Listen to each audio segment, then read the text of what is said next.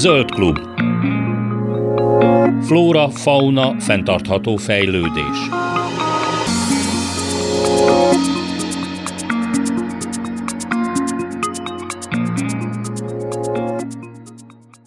Kellemes délután kívánok, Laj Viktóriát hallják. Dr. Gácsi Márta van velem a vonalban, az LKH ELTE összehasonlító etológiai kutatócsoportnak a, a tagja, etológus. Jó napot kívánok! Jó napot kívánok! És azért kerestem meg, mert megjelent egy új tanulmány, amiben azt vizsgálták az etológia tanszéken, illetve a kutatócsoportban, hogy a kutyakölykök, a farkaskölykök és, a macska kölykök mennyire hajlamosak leutánozni az emberi mozdulatokat, cselekedeteket, hogyha jól értelmeztem? Pontosan mi, mi volt itt a, a, a feladat, a cél, amit szerettek volna feltárni? Hát az eltehetológia tanszéken mi már nagyon régóta hasonlítunk össze különböző fajokat, és persze minket nagyon érdekel, hogy a farkasok, a kutyák, a macskák, adott esetben más fajok hogyan viselkednek, de hát ha nagyon őszinték akarunk lenni, akkor akkor ami igazán izgalmas ebben az egész történetben az az, hogy az ember szociális viselkedése, az ember bizonyos képességei hogy alakultak ki. Tehát sok hm. esetben az, amit az állatfajokon tapasztalunk, amit rajtuk keresztül meg tudunk tanulni, az abban segít, hogy az ember korai evolúciójába tudunk egy picit bepillantani. Tehát a hm. kutya ebben az esetben az egy szociális faj, tehát egy társas faj, ugye nem egyedül él a világban. A farkas hasonlóképpen, hiszen neki közös ősük volt, és mhm. ezek csoportban élő jószágok, szemben a macskával, ami inkább egy magányos eh, faj. Uh-huh. Tehát itt az a kellemes helyzet állt elő, hogy három olyan faj tudunk összehasonlítani, amelyből kettő társas, a kutya és a farkas, és ugye köztük van némi rokonság, és egy magányos, viszont kettő meg háziasított, itt ez esetben a kutya meg a macska kerül egy oldalra, és a farkas külön, hiszen ő a vadállat. Hm. És ez egy izgalmas hármas, nyilván mindenféle hát korlátozó tényezővel azért számolni kell, az ember le tud mérni 40 macskát, meg 50 kutyát, ha akar egy tesztben. Nyilván ennyi farkas nem tudunk, uh-huh. főleg nem kölyköt, stb. Tehát ez, itt azért a, a tudományos szigorúságnak sajnos néha e, hát engedményeket kell tennünk, mert, mert nem lehet mindent úgy csinálni, ahogy az tökéletes lenne a világban, Ráadásul ugye egy vadfarkas nem lehet tesztben vizsgálni, tehát a farkasokat kézből neve, kell nevelni ahhoz, hogy tesztelhetőek legyenek. Szóval nem egy egyszerű történet ez, de a végeredmény szempontjából tényleg nagyon izgalmas, hogy picit benne van a háziasítás hatása, picit benne van a az, hogy milyen eredetileg mennyire társas az a faj, illetve hát valamelyest a környezeti hatások is benne vannak, mert bár itt próbáltunk arra figyelni, hogy a kutyák, a macskák és a farkasok is nagyon hasonló környezetben nőttek föl. Mhm. Ugye itt három hónapos állatokról van szó, tehát nyilván ez felnőtt korig nem működik, mert egy felnőtt farkas nem lehet úgy tartani, ahogy egy kutyát vagy egy macskát, de három hónapos koráig azért elég jól lehet. Tehát ezek emberi családban nőttek föl, a kutyák sem valahol az árokparton, hanem, hanem ezek mind családi kutyák, házi kedvencek, macskák is, és a farkasok is családban nevelkednek, nem az anyjukkal, nem a, a falkájukkal. Uh-huh. A feladat pedig az volt, hogyha minden igaz, hogy először is megnézték, hogy ha egy idegen tárgyat letesznek eléjük, akkor mivel közelítenek, tehát mancsal vagy orrá, az orrukkal közelítik meg, vagy fogják meg, érintik meg ezt a dolgot, és ha minden igaz, akkor ez ember is megérintette a kezével, és azt nézték meg, hogy hogyan reagál el az, erre az állat, figyelje, leutánozza a cselekedetet. Hát a, a tudományos vizsgálatok azok csak kívülről tudnak egyszerűnek, főleg sikerül nekünk egyszerűen elmagyarázni a végén, hogy mi történt. Technikailag azért elég bonyolultak, és ez, ez kívülről borzasztóan kevésé látszik. Tehát sokszor azt mondja mondjuk egy kutyás gazda arra, amit a tanszéken kutatunk és amilyen eredményeket találunk, hogy ha, hát hiszen ezt ő már régóta uh-huh. tudja. Ami persze lehet, hogy úgy van, csak ez nem adat, ez nem tudomány, ez egyéni tapasztalat, intuíció, és lehet, hogy kivétel. Uh-huh. Tehát ahhoz, hogy ezt tudományos tényként igazolva legyen, ezt le lehessen közölni, ezt erre lehessen hivatkozni, ahhoz rengeteg-rengeteg kontrollra van szükség, és nagyon sok olyan körülmény biztosítására, ami kívülről kevésbé látszik. Tehát tulajdonképpen a, a sztori lépésről lépésre az úgy néz ki, hogy amire kíváncsiak voltunk, az az, hogyha kis cicáknak, kiskutyáknak, kisfarkasoknak eljátszunk egy nagyon egyszerű akciót, azaz mhm. egy szobában ott levő tárgyat megérintünk az orrunkkal vagy a kezünkkel, akkor vajon hajlamosak-e arra, hogy mindenféle jutalom, tanulás, megerősítés nélkül, ez nagyon fontos, ezt a mozdulatot, ezt az akciót leutánozzák. Csak úgy. Hm. Az, hogy előtte, mint egy bemelegítés, a szobában ezt a tárgyat elhelyeztük, és megfigyeltük, hogy a jószág magától spontán mit reagál rá, mhm. anélkül, hogy mi mutattunk volna bármit is, az egy kontrollhelyzet. Uh-huh. Az azt jelenti, hogy mi van, hogyha nem azért csinálta, amit csinált, mert látta, hogy mi is azt tettük előtte, hanem mert egyébként is azt tette volna. Uh-huh. Tehát, hogyha mi leteszünk egy ilyen, az egyik tárgy egy ilyen fehér doboz volt ö, ö, az, a lukas részét lefele tartva, tehát mint egy ilyen kis fellépő, úgy nézett ki, hogyha ezt letesszük a, a szoba közepére, akkor mi van, ha mondjuk a macska vagy a kutya magától is a mancsával megérinti. Uh-huh. Akkor, ha mi a mi érintésünk után figyeljük az ő viselkedését, azt hihetjük, hogy ő minket utánzott, pedig nem. Uh-huh. Egyszerűen azt csinálta, amit magától is csinált volna. Uh-huh. Tehát ezért kellett ez az első kontroll, hogy ezt megnéztük, hogy spontán mit csinálnak vele. Hát jó eséllyel semmit, illetve nagy részük egyébként az orrával érintette meg, a, ez uh-huh. úgy jellemző volt. És akkor ezután kezdődik valójában a kísérlet, ami e, három lehetséges helyzetet foglalt magába, vagy a kezével érintette a, a kísérletvezető, vagy a, az orrával, vagy pedig volt egy ilyen szellemnek nevezett eh, helyzet is, amikor nem ért hozzá senki, hanem egy madzag segítségével kívülről eh, lehetett például mozgásba hozni a tárgyat, hogy hmm. valami történjen vele, de úgy, hogy végül is az embernek nem volt vele kapcsolata. Hmm. Tehát ilyenféle helyzeteket teremtettünk, és az, ebben hasonlítottuk össze a három faj viselkedését. Uh-huh. És hát gondolom azért sokunk tippel arra, hogy a, a, a macskakölyök az, aki a legkevésbé a, mondom, hajlamos arra, hogy annak megfelelően cselekedje, mint ahogy mi előtte cselekedtünk, vagy nem? Igazából ők is hajlamosak arra, hogy utánozzanak minket? Hát ez egy nehéz kérdés, mert nagyon sokáig, hát nem utolsó sorban az eltehetológia tanszékének köszönhetően, nagyon sokáig tartotta magát az a egyébként általunk mindig képviselt vélemény, uh-huh. hogy a kutyák különlegesek. Igen.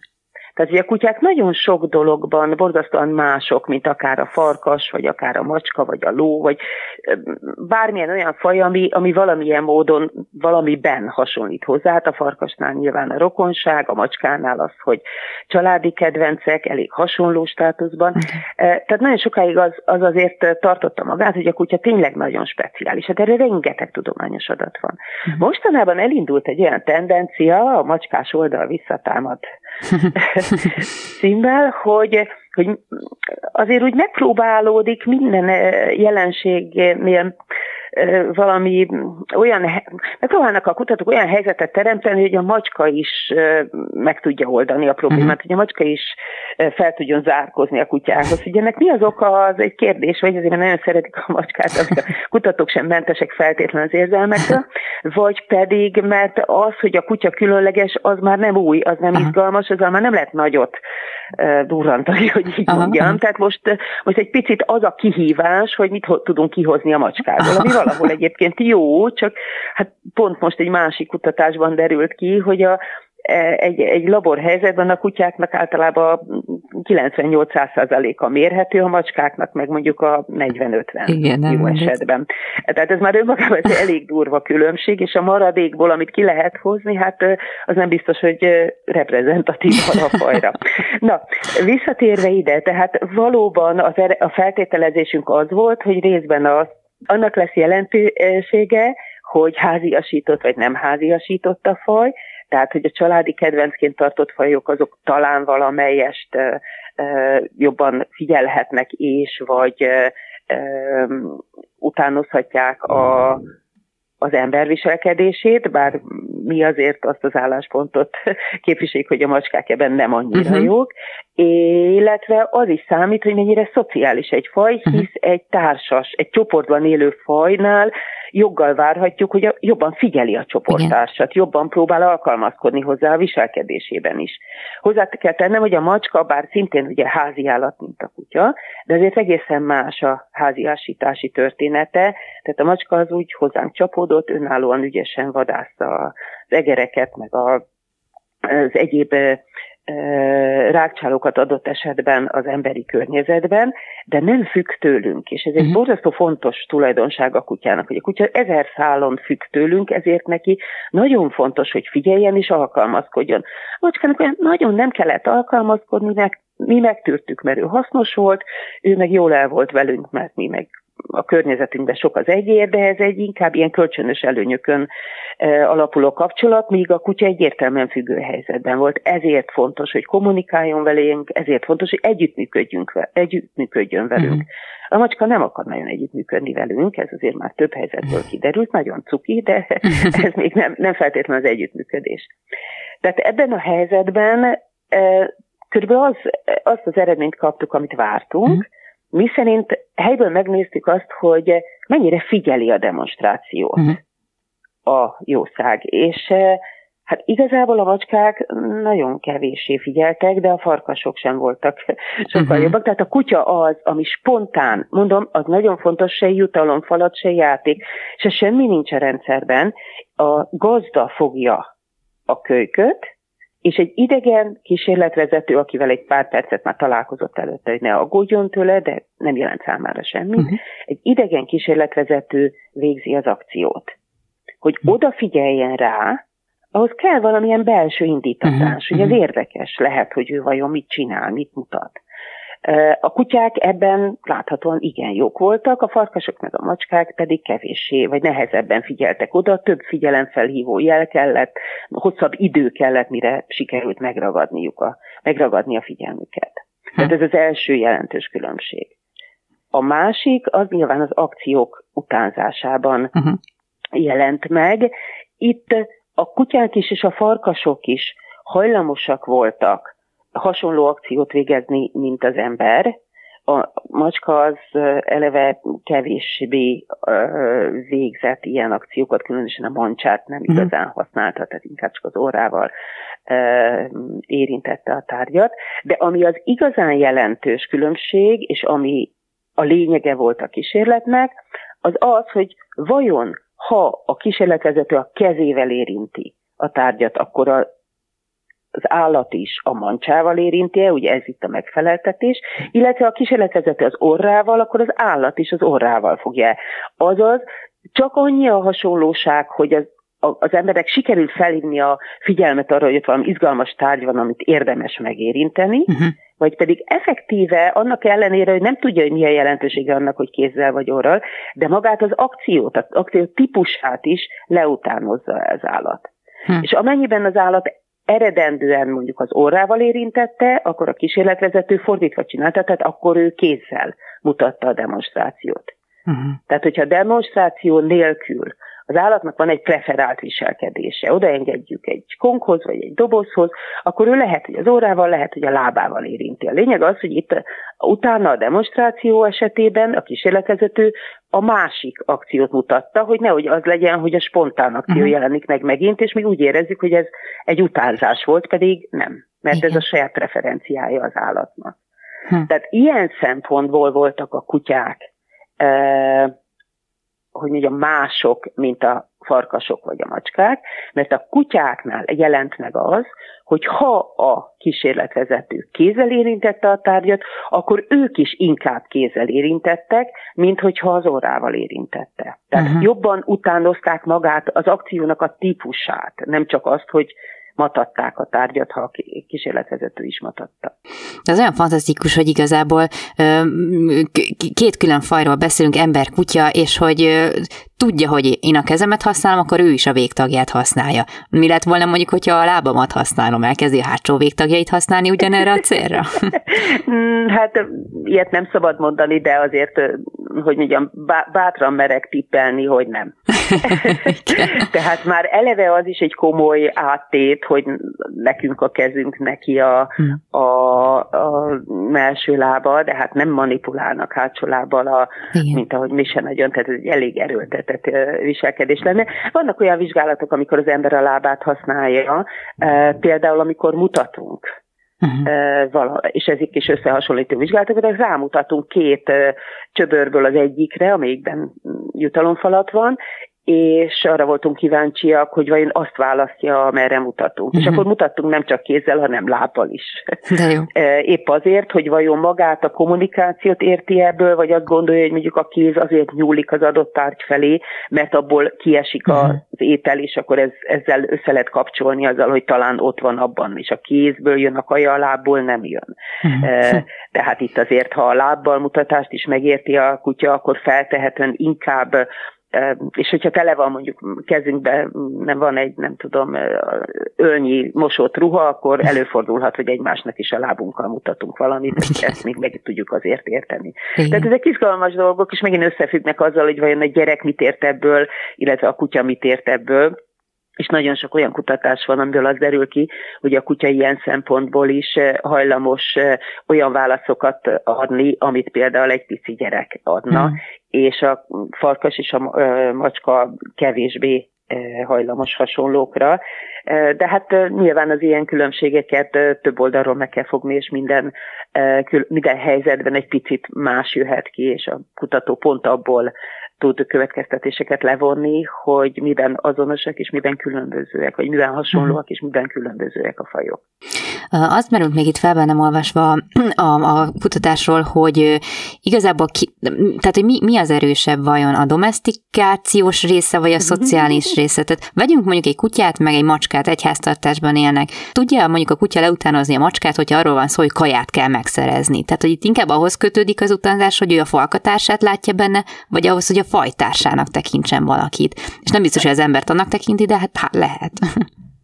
Hát igazából ezek, ez, ez, most ebben az egy kérdésben annyi minden volt, ami, ami nem egyértelmű, hogy borzasztó nehéz ilyenekre válaszolni. Uh-huh. Nem is tudnánk ezt egy, egy vizsgálatba beletenni, mert, mert hogy annyi minden kéne kontrollálni. Tehát az, hogy minek tekint minket a kutya, az egy nehéz ügy. Tehát uh-huh. persze bizonyos szempontból azt gondoljuk, hogy a csoporthoz tartozónak, hiszen figyel ránk, kommunikál velünk, együttműködik uh-huh. velünk, de hát lássuk be, hogy nem szeretné senki a szexuális partnernek is tekinteni a kutya van, e, pedig hát ugye ha fajtásnak tekintene, akkor ettől nehéz elvonatkoztatni, tehát óvatosnak kell lenni ezekkel a mhm. sarkos e, kijelentésekkel. Hogy a macskát minek tekinti, az egy kérdés. Lehet, hogy szívesen játszik vele, de egyáltalán nem biztos, hogy figyel rá. Tehát már a kutyán belül is vannak olyan vizsgálatok, szintén ilyen e, szociális tanulós e, kommunikációs kísérletek, ahol azt is tudjuk, hogy a, a családban élő két kutya ha, közül az egyik domináns, a másik inkább alárendelő. Itt most a kutyákon belüli kapcsolatról van szó, mert az embernél alapvetően feltételezzük most már, hogy a kutya alárendelő azért. E, tehát ebből a két kutyából nagyobb valószínűséggel figyel egy emberi demonstrációt például, Uh, illetve az emberi demonstrációt az alárendelődő és a domináns kutya is figyeli, uh-huh. de ha kutya demonstrál nekik, akkor valószínű, hogy az alárendelődő figyeli, és a domináns kevésbé vagy nem. Uh-huh. Tehát az emberre figyelnek a kutyák, de már egy másik kutyára is lehet, hogy attól függően, hogy nekik milyen a viszonyuk a többi kutyával. Tehát egy, egy, egy magabiztos kutya lehet, hogy az emberre jobban figyel, mint a többi kutyára. Most nagyon lebutítottam a jelenséget azért. Uh-huh. Tehát önmagában már a saját fajtársát tól, hogy mennyire tanul egy kutya, és akkor még hol van a macska, uh-huh.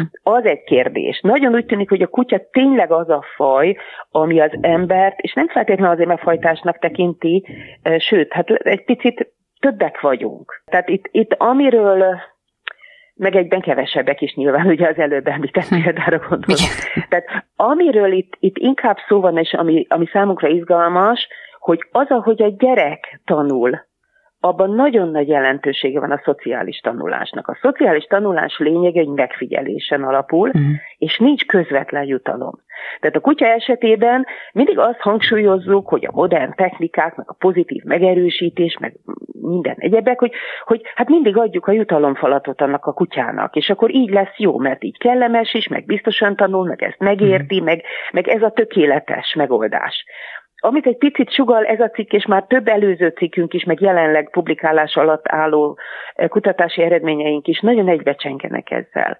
Ugye a kutya hajlamos, közvetlen jutalom nélkül, megfigyelés hmm. útján tanulni az embertől, ahogy a kisgyerek. Hmm. És ez, ennek két, két üzenete van. Az egyik egy gyakorlati, hogy hát e- egyszerűen csak próbáljuk elmagyarázni, mutatni a kutyának, amit szeretnénk, lehet, hogy megérti, és spontán hajlamos nagyon hasonló dolgokat csinálni. Most a negatív példát tudjuk, hát az ember kimegy kertészkedni a kertbe, a kutyát nem zárja el buta módon, és visszajön a megebédel, mire kimegy, ő megmetszette a málnát egy méterre, a kutya megmetszette 30 centire, míg ben volt, és lehet, hogy büszke is magára. Azt gondoljuk, hogy milyen piszok dög, és hogy ez egy deviáns viselkedés, pedig ez zseniális dolog őszintén, mert magától sose tette volna. De hm. volt egy megfigyelés, és valamiért azt gondolod, hogy biztos van ennek valami értelme, hát akkor lássunk neki. De ezt lehet hm. hasznosan is kihasználni. Az elméleti érdekessége ennek a jelenségnek pedig az, hogy az egyik legnagyobb rejtély, ami még mindig az emberi viselkedés eh, eh, és képességek megfejtésében előttünk áll, az az, az emberi nyelv kialakulása. Mm. Márpedig az emberi nyelvet a gyerekek, a picik szociális tanulás útján eh, Igen. tanulják. Nem, nem adunk nekik csokit azért, mert azt mondják, hogy mama meg vau, meg utána azt mondják, hogy kérek almát. Hm. Hanem eltanulják, leutánozzák. Egy olyan kor van, amikor ez nagyon jellemző. Később is jellemző, hogy megpróbáljunk alkalmazkodni a többiek viselkedéséhez. Egy, mint egy külföldi országban nem ismerjük a protokollt, tesszük, amit mások. Mm. De a gyerekeknél ez nagyon jellemző. És ez egy borzasztóan izgalmas dolog, mert itt tanulják a nyelvet, ami azért ebben a formájában igazán egyedi az embernél. Már nagyon kevés olyan dolog maradt, amiről az állatvilágban nem sikerült igazolni, hogy Igen. valahol valamilyen módon megvan szerszámhasználat, szerszámkészítést, amit mi még középiskolában úgy tanultunk, hogy humán specifikus, hogy nem az. E, de a nyelv azért ebben a formájában ez azért még, még erősen csak a, a mi fajunk sajátja, és azért nagyon izgalmas azt látni, hogy bizonyos elemek, vagy bizonyos szükséges e, eszközök például a kutya eszköztárában is megvannak. Ez, mm. spontán megpróbál akciókat leutánozni, úgyhogy nincs különösebb értelme, nem kap érte jutalmat, de mégis. Egyébként ez a, a beszéd, meg az emberi beszéd és a kutyáknak a különböző vokalizációra is jára is értelmezhető, tehát hogy valami, ők kommunikálnak velünk hangokkal, ugatással, egyebekkel, az is mondható egyfajta utánzásnak a mi kommunikációnk után. Hát ez egy nagyon jó kérdés, és erre komoly, sok éves kutatási projektet lehetne, illetve tervezünk is felvetni. Azt tudjuk már, hogy a, hát a farkasok nem ugatnak, vagy legalábbis messze nem ilyen bonyolultan és sokrétűen, mint a kutyák. Nyilván ez egy kérdés, hogy vajon ez egyfajta mellékterméke a háziasításnak, hogy ezek a hangadások megjelentek, vagy pedig funkciója van, és akkor feltehetően a funkció nem az, hogy a másik kutyával jobban tud így beszélgetni, mint ahogy a farkas tudott volna a másik farkassal, hanem feltehetően köze van az emberrel való kommunikációhoz. Az eddigi eredmények ezt az utóbbi felvetést erősítik. Tehát az, hogy, hogy van játékra hívogatást, hogy van, van kunyeráló, uh-huh. nagyon sokféle üzenete lehet egy ugatásnak, egyáltalán nem feltétlenül agresszív kontextusban, és hogy az emberek ezt értik, nem csak a kutya tulajdonosok értik. Adott Igen. esetben gyerekek, adott esetben uh, nem látó emberek, tehát akik nem tudják viselkedéshez kapcsolni a hangot, és ilyen hm. asszociációkból dolgozik, és meg tudják különböztetni elég jól ezeket a különböző kontextusban adott ugatásokat. Ez arra utal, hogy igen, köze kell, hogy legyen ahhoz, hogy velünk élnek és velünk kommunikálnak. Most nyilván az emberi beszédtől azért ez borzasztóan messze van. Persze.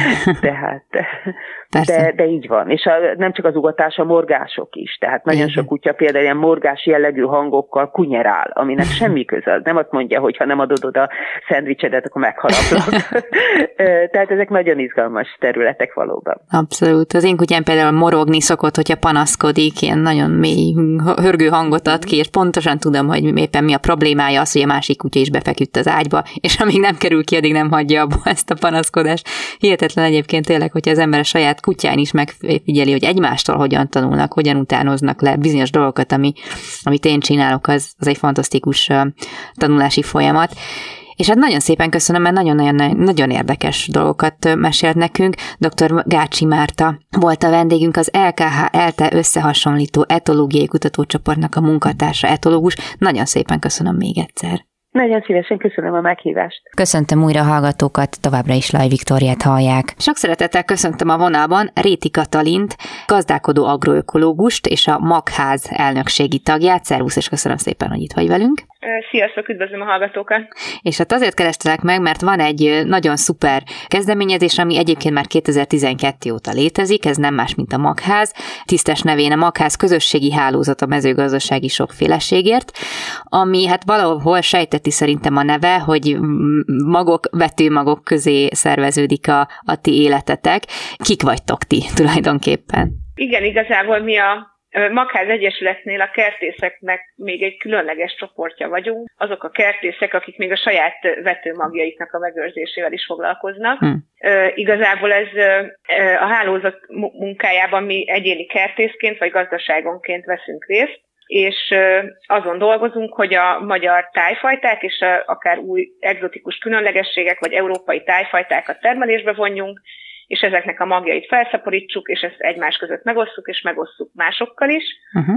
És nem csak magokat osztunk meg másokkal, hanem igyekszünk a tudásunkat is megosztani másokkal, mert az az igazság, hogy kertészkedni sem könnyű, aki már próbált uh-huh. bármilyen növényt nevelni, ezért lehet tudni, hogy mindig akadnak problémák, meg nehéz, és nem úgy sikerül, ahogy gondoltuk. A magfogás az még egy szinten nehezebb, ugyanis még tovább kell a növényt kísérnünk az életén, és meg kell találnunk a megoldásokat, hogy ő egészségesen magot tudjon nevelni, és ne is porzódjanak össze a fajtáink. Tehát nagyon sok tudás kapcsolódik ehhez, ami a kertészkedésnek. Mi örülnénk, hm. hogyha mindenkinek a része lenne a életének, aki kertészkedik, annak a magfogás is a tevékenységei közé tartozna. Nagyon nagy a kísértés, hogy erre kikérdezek, hogy ez a magfogás az hogyan néz ki a gyakorlatban, de akkor erről, erről talán később. Viszont, hogy említetted itt a tájfajtákat, illetve nyilván ezzel szemben vannak ezek a, az elismert fajták, amiket mindenki ismer, az ipari mezőgazdálkodásba be vannak vonva, hogy tulajdonképpen ezek a tájfajták honnan, hogy kerülnek hozzátok, mik ők, kik ők, miért nem találkozunk velük az ipari, a nagy előállításban? Igazából a tájfajta csak annyit jelent, hogy egy bizonyos tájegységen, egy földrajzilag körülhatárolható területen alakult ki az a fajta, és hogy generációkon keresztül azt a fajtát ott termesztették. Ugye ez azért érdekes, mert mindig, amikor növényt termesztünk, elvetünk egy magot, visszafogjuk a, a vetőmagját, minden évben a legszebb növényekről fogjuk megőrizni a szaporítóanyagot, úgy ezért ugye folyamatosan alkalmazkodnak ezek a növények a mi tájegységeinkhez. És akkor ezek a tájfajták annyit jelentenek, hogy ezek valahol kialakultak, akár Magyarország valamilyen településen vagy egy, egy tájegységben voltak elterjedtek, és ezekhez a magokhoz mi úgy jutunk hozzá igazából, hogy együttműködünk egyrészt a, a, a génbankkal, tehát a mhm. nödikkel, a Nemzeti Biodiverzitás és Megőrzési Központtal, ahol őrzik Magyarországnak ezeket a régi tájfajtáit ilyen beküldéses alapon, ők ezeket felszaporítják, fagyasztva tárolják, tehát rendelkezésre állnak, velük vagyunk együttműködésben, és a tagjaink pedig ott, ahol ők maguk gazdálkodnak, van, aki még fel tud kutatni a, a, a falvakban, hm. a szomszédokon keresztül, akár magbőrzéken régi fajtákat, amiket még valaki megőrzött. Sajnos valahogy az elmúlt 10-20-30 évben ezeknek a, ennek a vetőmag megőrzésnek a hagyománya kiveszett a, a kertészkedés, ugye, ugye, hogy a kertészkedés is, az hm. önellátó gazdálkodás is ugye egyre inkább visszaszorult tehát nem mindig egyszerű ezeket megtalálni, de, de törekszünk arra, hogy, hogy felkutassuk őket, kipróbáljuk,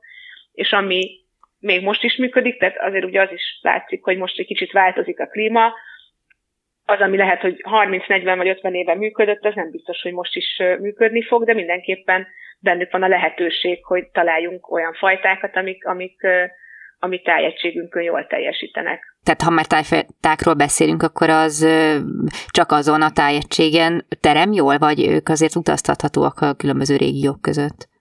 Ö, utaztathatók a különböző régiók között, és mondjuk most azt is látjuk, hogy vannak például olyan régi magyar tájfajták, amik akár az összes tagunknál jól teljesítenek, mert mondjuk tényleg nagyon széles körülön ellenállóak, bőterműek, koraiak, jól tűrik a száraz viszonyokat, és most például a makháznál van egy-két olyan fajtánk, ami minden tagunknál már szinte felbukkan, uh-huh. mert egy ilyen általánosan jól teljesítenek, és azt is el lehet mondani, hogy nem csak a mi tájegységünkön, hanem a, a hasonló klímájú, hasonló talajviszonyú, hasonló adottságú területekről való tájfajták is teljesíthetnek nálunk jól.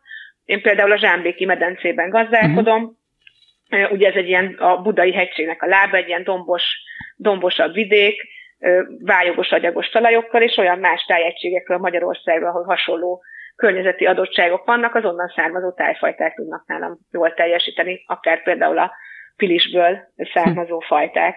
Uh-huh.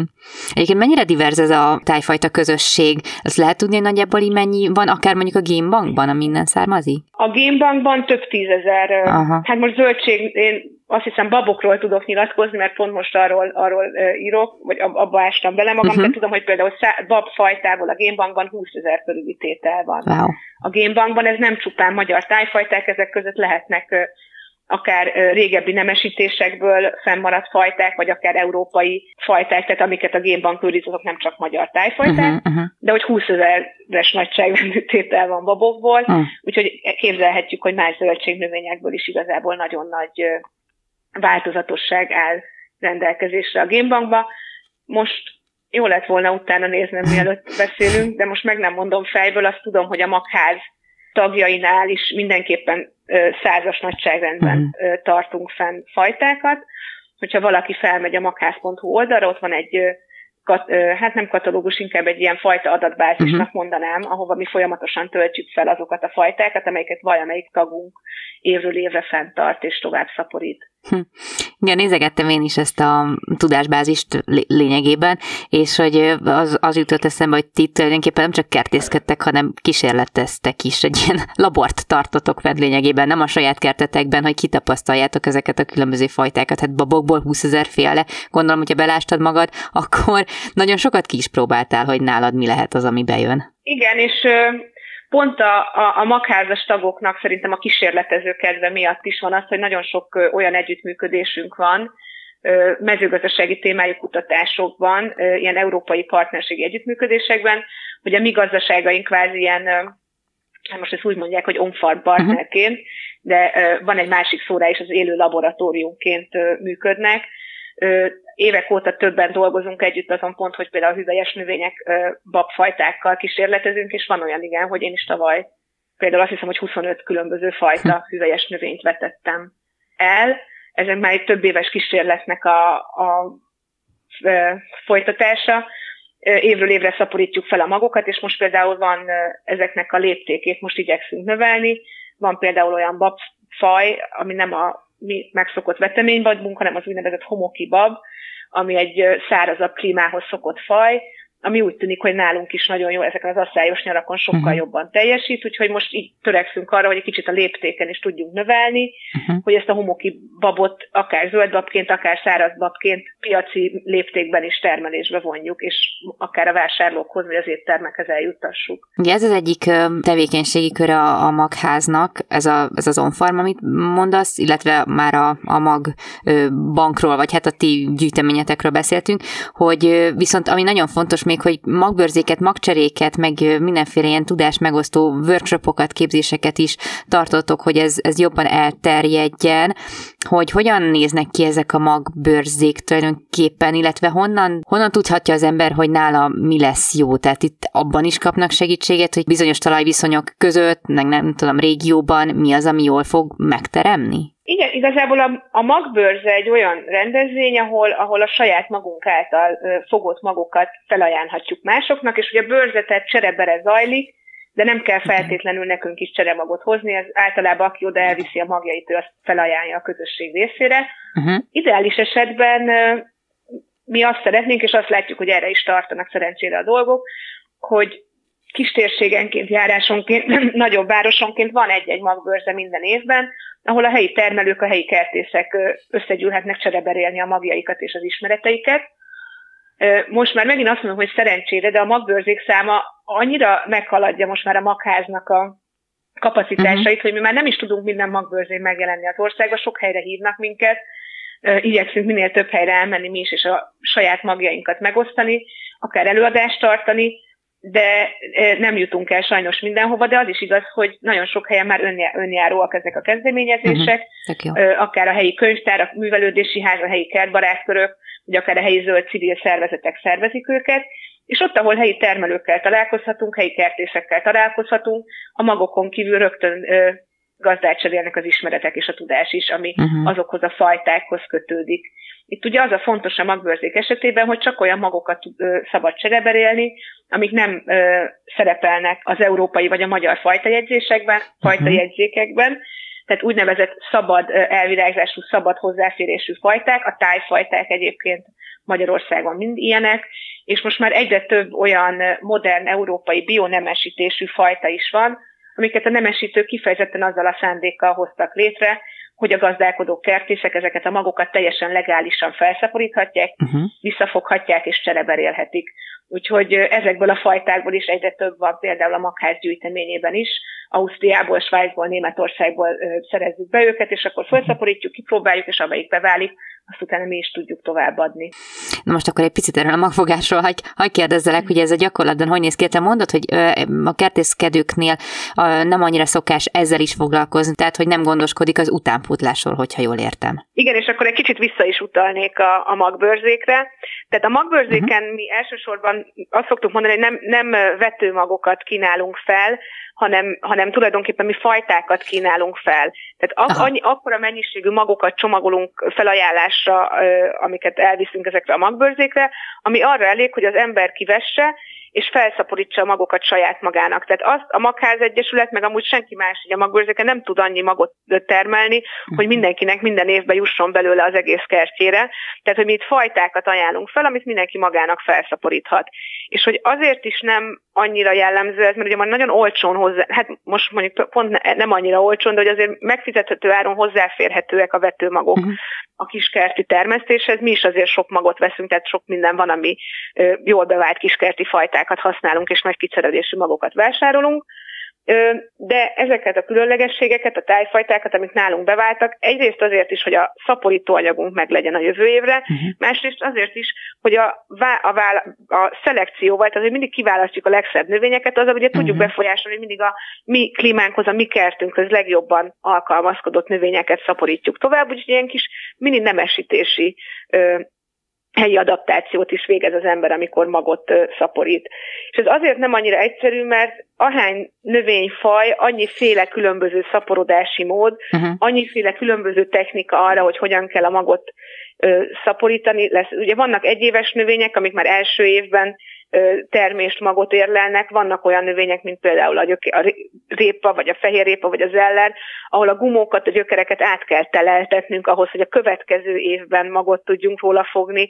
Vannak olyan problémák, amiket ugye biztos a hallgatók is sokszor hallottak róla, hogy bizonyos faj, fajok között nem annyira jellemző, de fajták között jellemző az, hogy keresztbe poroznak, tehát uh-huh. nem ugyanaz lesz a, nem ugyanolyan növényt fogunk tudni nevelni a, a fogott kapott magból, mint amit elültettünk.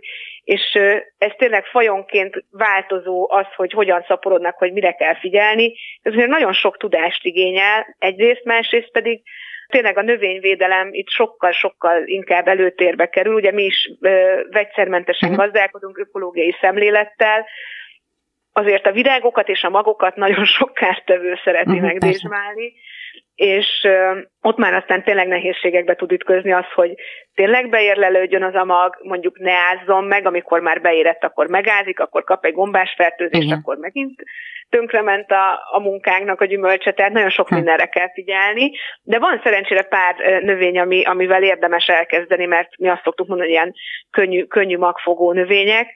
Ez például a, a salátafajták, uh-huh. ugyanis nem poroznak keresztbe, tehát lehetnek nyugodtan egymás mellett a salátafejek, és biztos mindenki találkozott már valaki kertészkedik, hogy a nyári nagy melegbe hirtelen csak magszárba szökken a saláta, uh-huh Úgyhogy ilyenkor, hogyha hagyjuk a, a salátá, salátánkat felmagozni, utána ki is lehet könnyen kézzel pergetni a leszáradt magszáról a, a magokat. Uh-huh. Ez mhm. például egy könnyű, könnyebb növény, és a paradicsom az, ami ugye meg nagyon-nagyon nagy változatosságban mindenféle színes paradicsomok vannak, és ezekről is viszonylag könnyű magot fogni, mert ott előfordulhat az, hogy összeporzódnak azért nem jellemző, és főleg azt vesztük észre, hogy a paradicsom magok tényleg nagy slágerek a magbőrzéken is, mert ezzel szívesen foglalkoznak az emberek. Uh-huh. Hát meg nagyon sokféle felhasználása is van gondolom ezeknek a tájfajtáknak, tehát hogy nem tudom, biztos van, ami csak arra jó, hogy nem tudom, aszaljam, vagy jó lesz, nem tudom, salátának, tehát hogy különböző ö, tip, ételeket tudok belőle felsorakoztatni, vagy elő, elkészíteni.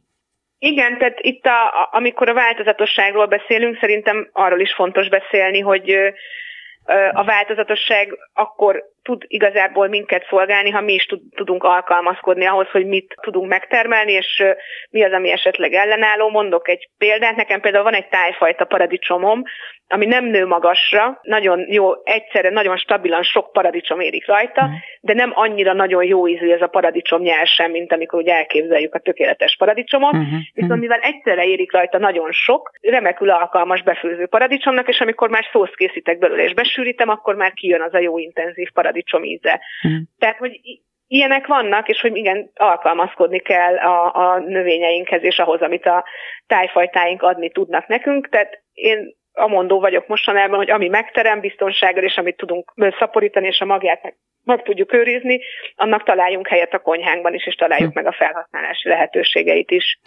Ugye egy nagyon fontos dolgot mondtál, hogy ezek a, ezeknek a növényeknek a nevelése az az agroökológiai vagy ökológiai szemlélettel történik. Ugye a vegyszermentességet emeltet ki, de ennek Igen. azért még vannak mm, eszközei, hogy tulajdonképpen hogyan néz ki egy olyan kert, ami agroökológiai módszerekkel van gondozva, és mondjuk ezekkel a tájfajtákkal dolgozol, vagy nem is kell mondjuk tájfajtának lennie hozzá? Igazából én azt tudom mondani az agroökológiai kertről, hogy mindenképpen a környezetének, tehát annak a kis ökoszisztémának, amiben ő működik, annak ő szerves részeként működik, uh-huh és semmi olyat nem teszünk, amivel rombolnánk az élővilágot. Ez több, egy pár fontos dolgot kiemelnék. Az egyik az a tápanyagoknak a körforgása. Tehát, hogy elsősorban szerves anyagokkal dolgozunk, komposztálunk, sokan akár ilyen kis falusi szinten a tápanyag körforgás biztosítjuk azzal, én is például néha avart kapok a szomszédoktól, uh-huh. szerves trágyát a lovardából, tehát hogy ezeket uh-huh. a tápanyagokat, amit, amit tudunk, arra törekszünk, hogy helyben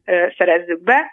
A talajt folyamatosan éltetjük ezekkel a szerves trágyák, legtöbben nem nagyon ássunk nem nagyon hagyjuk fedetlenül a talajt, tehát a talaj, talaj eróziót próbáljuk elkerülni, megakadályozni, mit lehet még elmondani? Hát igen, egyébként ez a változatosság, tehát amiről már beszéltünk, a biodiverzitás jelenléte a kertünkben, az azt is jelenti, hogy otthont ad mindenféle élőlénynek, legyen szó talajmikróbákról, legyen szó pillangókról, beporzókról, rovarokról, vagy akár mhm. madarakról, tehát hogy olyan kertet hozunk létre, ahol, ahol elősegítjük azt, hogy az élővilág megtelepedjen, és az ő segítségükkel egyébként pont a, akár a vegyszerek nem mondom, hogy kiválthatóak, de uh-huh. hogyha egy, egy jól működő természetes rendszert hozunk létre, akkor, akkor a kártevőknek a populációit is tudjuk valamennyire szabályozni.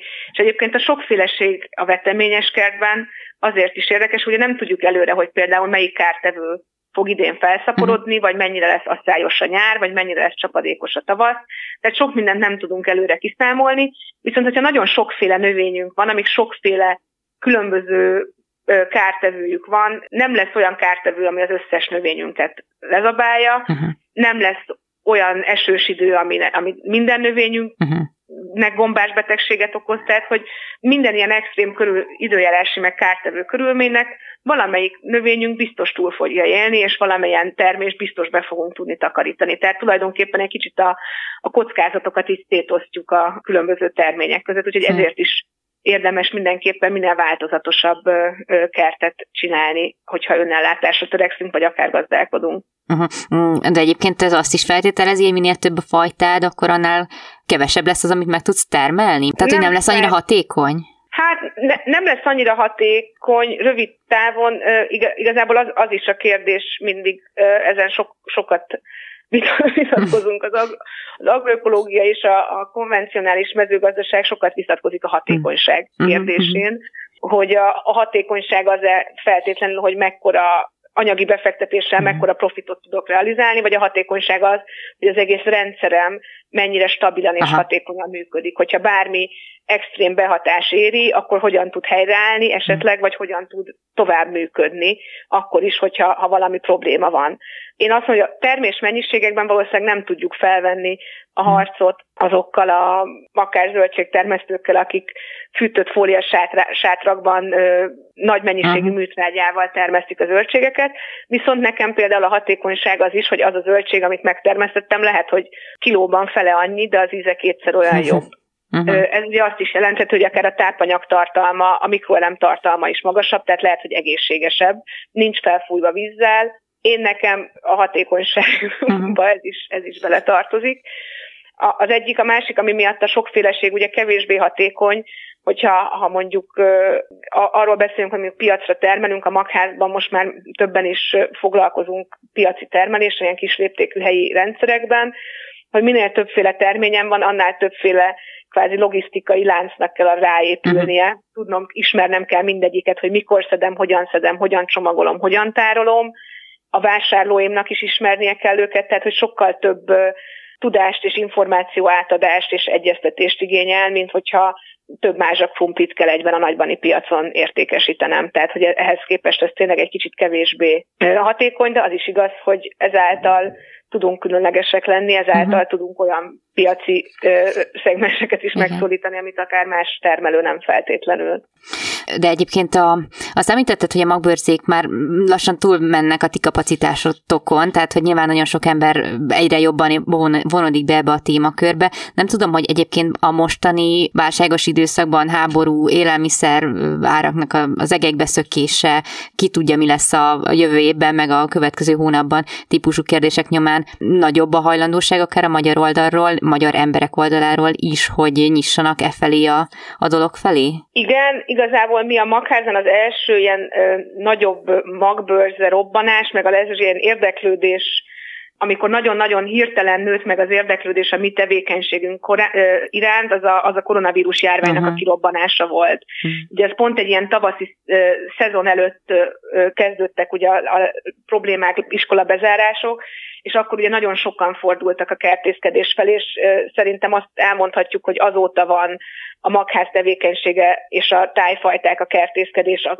azóta igazából nagyon fókuszba kerültek a, az embereknek a, a, az életében. És mindenképpen az is igaz, hogy ugye én is még úgy nőttem föl, hogy hogyha nem, nem kertészkedünk, nem gazdálkodunk, mert hiszen nem minden áru elérhető, hozzáférhető, ott van, olcsó, megfizethető, jó minőségben. Ugye a minőségem természetesen lehet vitatkozni, de az biztos, hogy hogy az elmúlt évtizedekben nagyon megnőtt a, a friss zöldséggyümölcs hozzáférhetősége a nagy élelmiszerláncok által is. Uh-huh. Nem voltunk rászorulva. És mostanában azért a, igen, a biztonságérzet az egyik dolog, hogy uh-huh.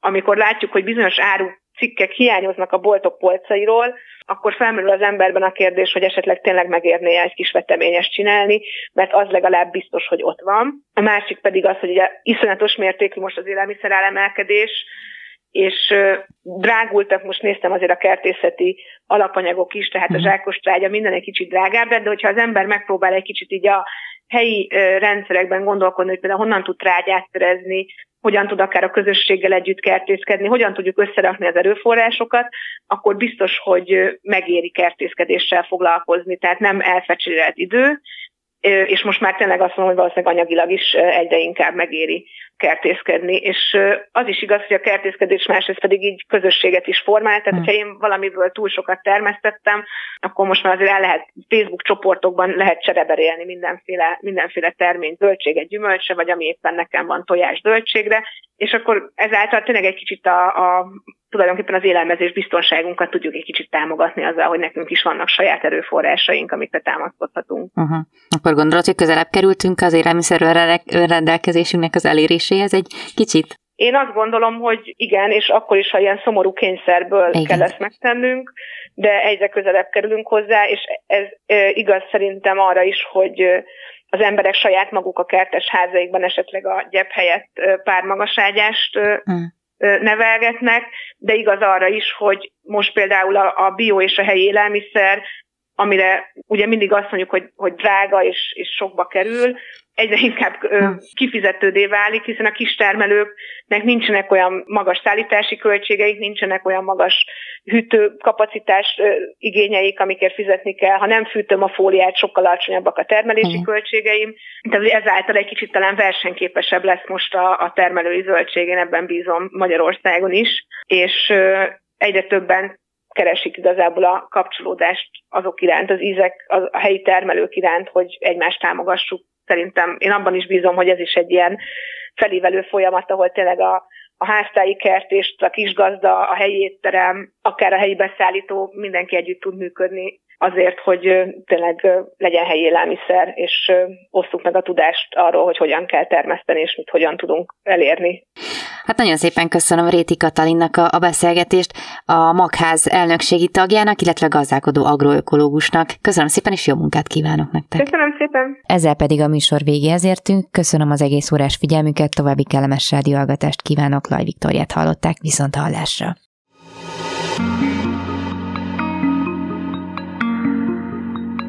Flóra, fauna, fenntartható fejlődés. A Zöld Klub adását hallották.